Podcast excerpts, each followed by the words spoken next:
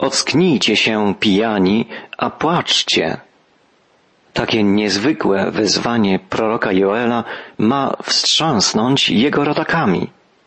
Judejczycy nie są świadomi grożącego im wielkiego niebezpieczeństwa, ani tego bezpośredniego, nadchodzącej straszliwej plagi szarańczy, ani tego przyszłego, którego owa plaga jest tylko symbolicznym obrazem nadchodzącego Bożego Sądu. Plaga, o której czytamy w księdze proroka Joela, była zjawiskiem naturalnym. Jednak jej skala, jej rozmiary były straszliwe. Dlatego Joel alarmuje. Ocknijcie się, pijani, a płaczcie. Narzekajcie wszyscy, co pijecie wino.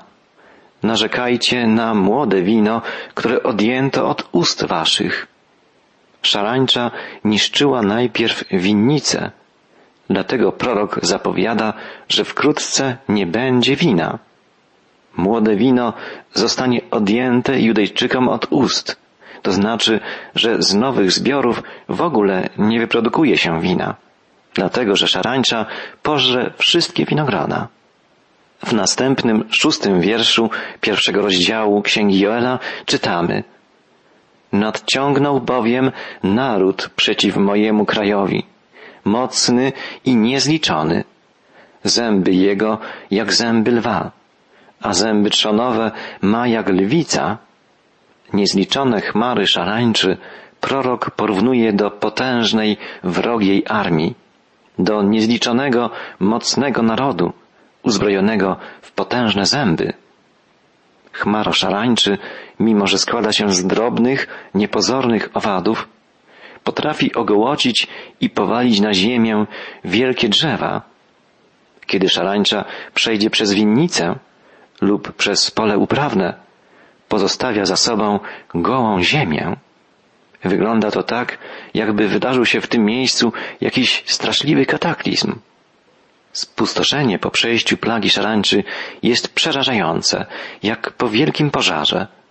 Jest to obraz, prorocza zapowiedź wielkiego sądu, jaki dokona się w dniu pańskim, kiedy Bóg oczyści ziemię z wszelkiego zła. Prorok Joel, przyrównując szarańczą do niszczycielskiego narodu, woła dalej. Winnicę moją uczynił pustkowiem, a moje drzewo figowe połupał obnażył je zupełnie i porzucił, tak że gałęzie ich pobielały. Winnice zostały spustoszone, stały się pustkowiem, a drzewa owocowe, drzewa figowe zostały zupełnie obnażone, ogołocone z liści, a nawet kory. Pozostały tylko pobielałe kikuty.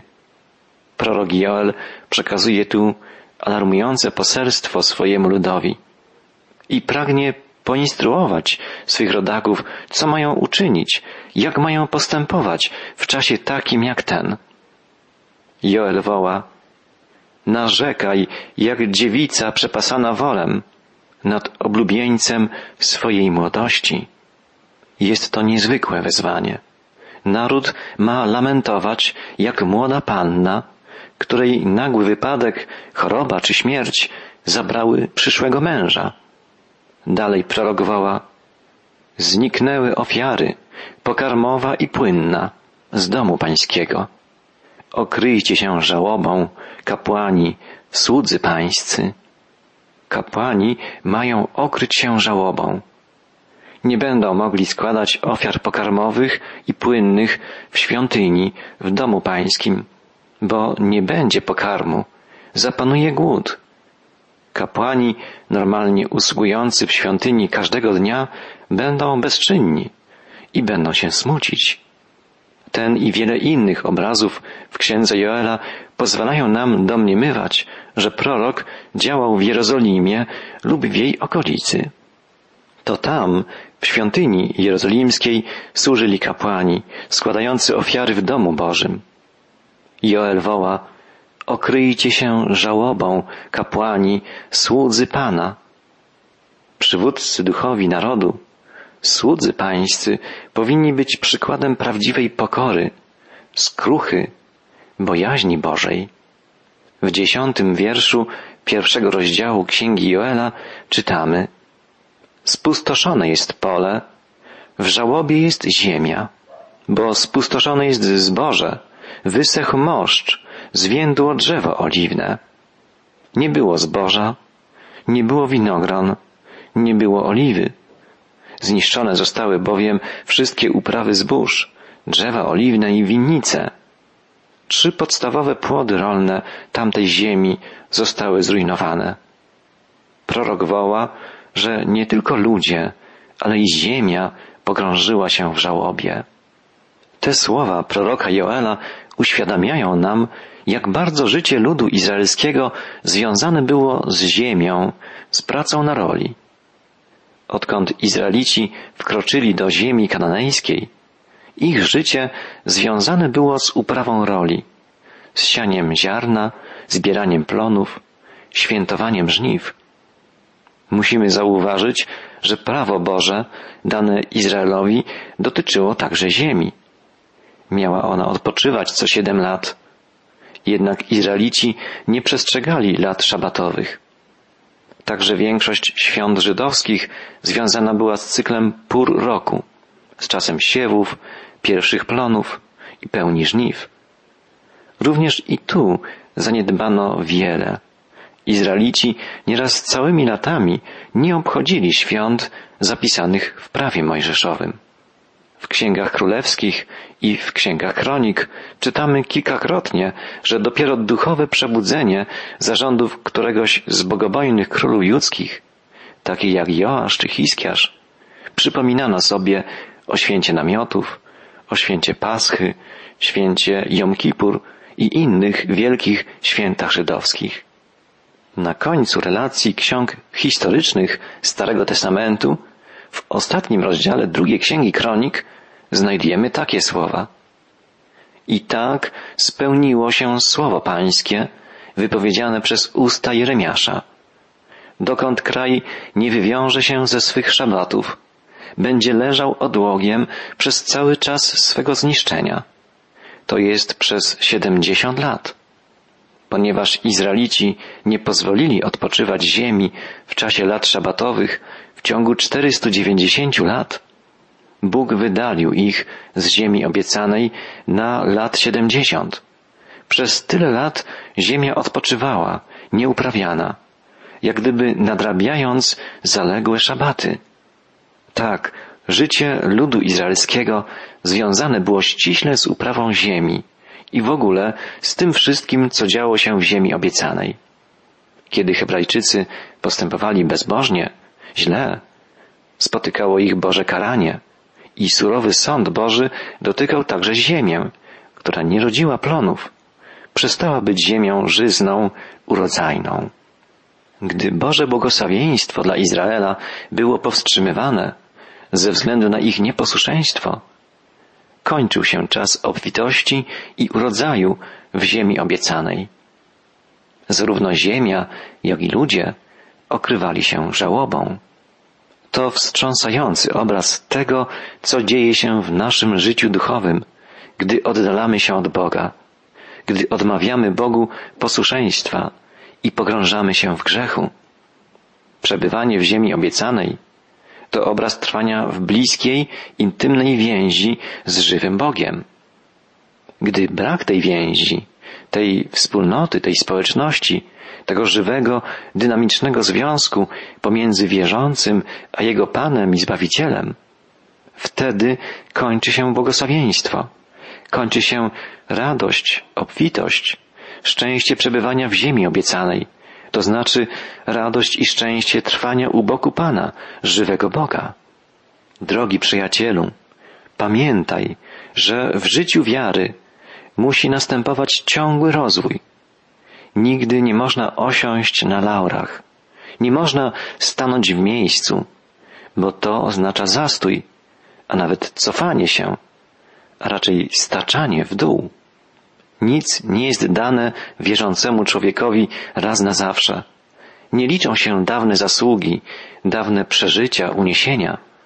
Liczy się wytrwałe, coraz dojrzalsze podążanie za Panem, coraz głębsze zrozumienie Jego woli i coraz pełniejsze odwzajemnianie Jego miłości. Ten proces duchowego pogłębiania, duchowego wzrostu wierze, w posłuszeństwie i miłości musi trwać całe życie. Kto wszedł na drogę uczniostwa Chrystusowego, musi uczyć się całe życie i całe życie musi się rozwijać. Związek z Chrystusem to przecież więź miłości, a miłość nie zna granic. Zawsze jest twórcza, zawsze pragnie więcej działać, obficiej obdarowywać, uszczęśliwiać. Miłość nigdy nie ustaje w szukaniu jeszcze lepszych rozwiązań, jeszcze wspanialszych darów. Tak więc nie może być w związku miłosnym zastoju, regresu, bo wtedy związek taki przestaje przynosić satysfakcję, spełnienie, szczęście.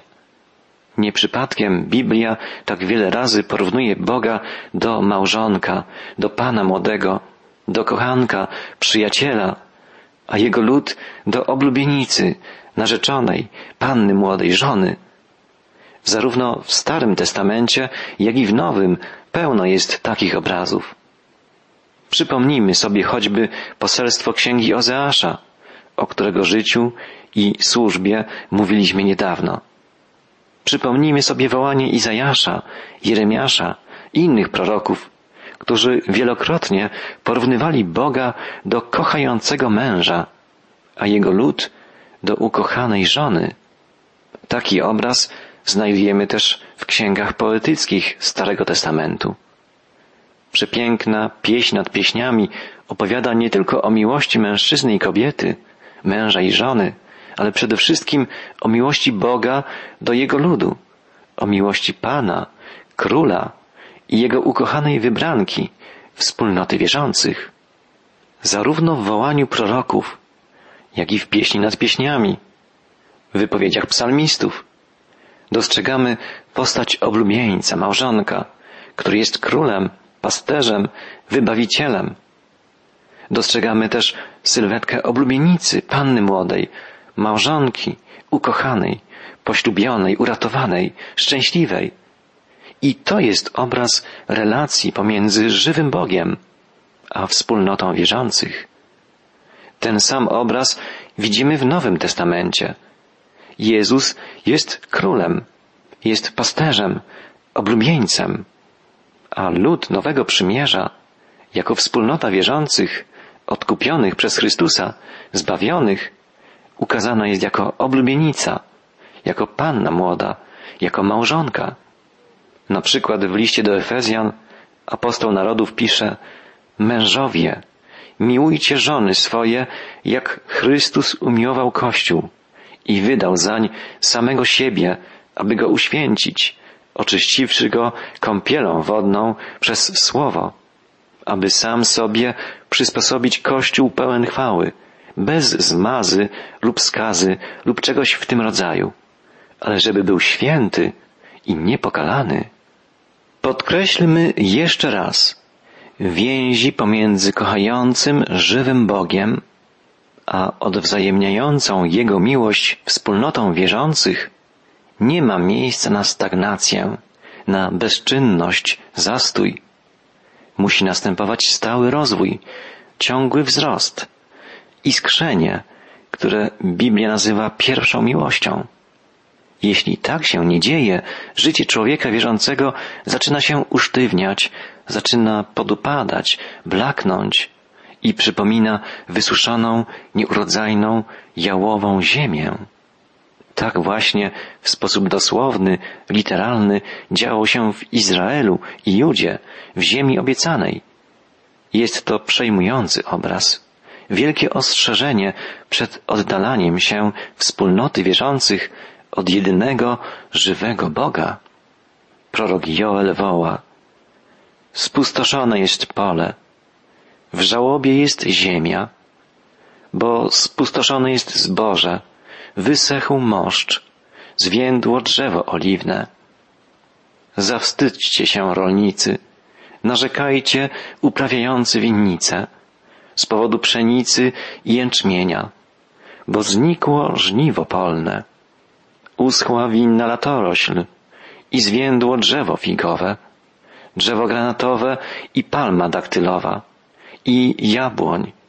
Wszystkie drzewa polne uschły i zniknęła radość spośród synów ludzkich.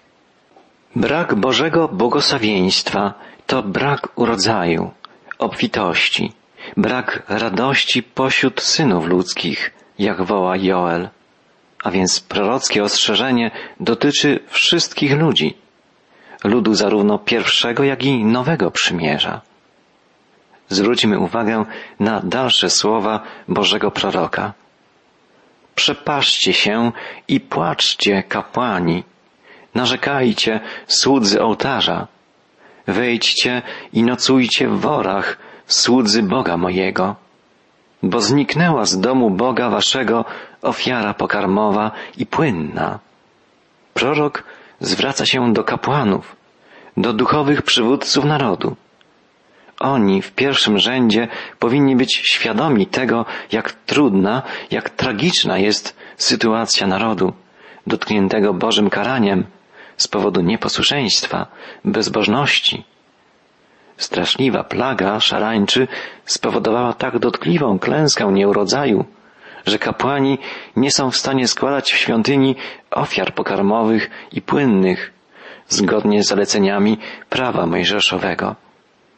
W czasie świąt żydowskich składano wiele ofiar. Radowano się z Bożego błogosławieństwa. Składano Panu w podzięce pierwsze plony. Wychwalano Go za dar urodzaju, za obfitość plonów. A teraz nic takiego nie będzie miało miejsca. Kapłani mają się przepasać i zacząć narzekać, płakać. Mają założyć pokutne wory i przez całą noc przebywać w domu Bożym. Mają trwać w milczeniu, w modlitwie, w wyciszeniu, w żałobie. To niezwykłe, jak wielki kontrast występuje pomiędzy tym wezwaniem Boga, a wcześniejszym wołaniem Przyjdźcie z weselem przed moje oblicze, składajcie z radością ofiary dziękczynne, śpiewajcie i weselcie się, pląsajcie i klaszczcie w dłonie. Takich wezwań pełno jest w psalmach, w księgach poetyckich, historycznych i prorockich Starego Testamentu. Dlaczego więc teraz rozlega się zupełnie inne wołanie? Wezwanie do płaczu, do pokuty, do żałoby, rozpaczy? Dlatego, że pośród narodu rozpanoszył się grzech, a grzech oddziela człowieka od Boga. Powoduje, że zamiast radości pojawia się w życiu człowieka smutek, gdyż Bóg nie może nam błogosławić, gdy odwracamy się od Niego i postępujemy samowolnie. Nie okazujemy Mu posłuszeństwa, zaufania, wierności. Prorok Izajasz wołał, Oto ręka Pana nie jest tak krótka, aby nie mogła pomóc, a jego ucho nie jest tak przytępione, aby nie słyszeć. Lecz wasze winy są tym, co was odłączyło od waszego Boga, a wasze grzechy zasłoniły przed wami Jego oblicze, tak, iż nie słyszy. Czasem zastanawiamy się, dlaczego w życiu wspólnoty ludzi wierzących brakuje radości, zapału, entuzjazmu, miłości. Dlaczego na spotkaniach, na nabożeństwach widać tak wiele smutnych, długich twarzy? Dlaczego trudno zmobilizować ludzi do działania, do zorganizowania pomocy biednym, samotnym, chorym?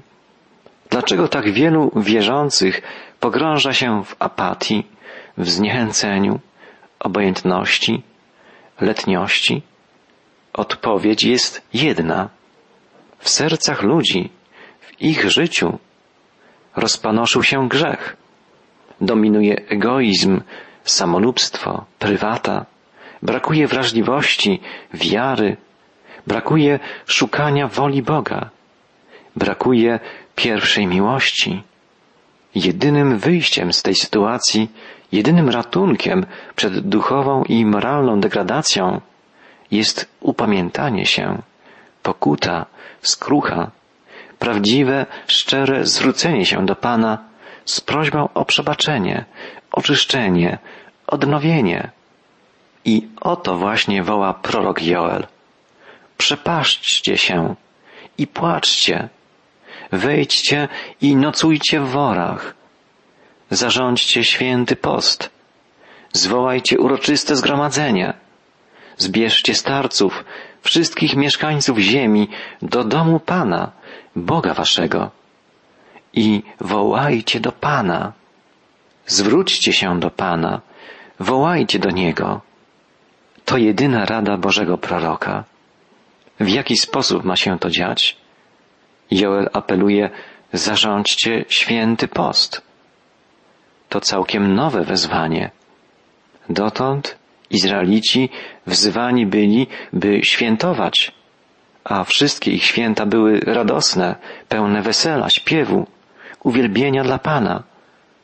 Właściwie jedynie w święto Jom Kippur, w dniu przebłagania, mieli powstrzymywać się od spożywania pokarmów. A teraz Bóg zaleca im post.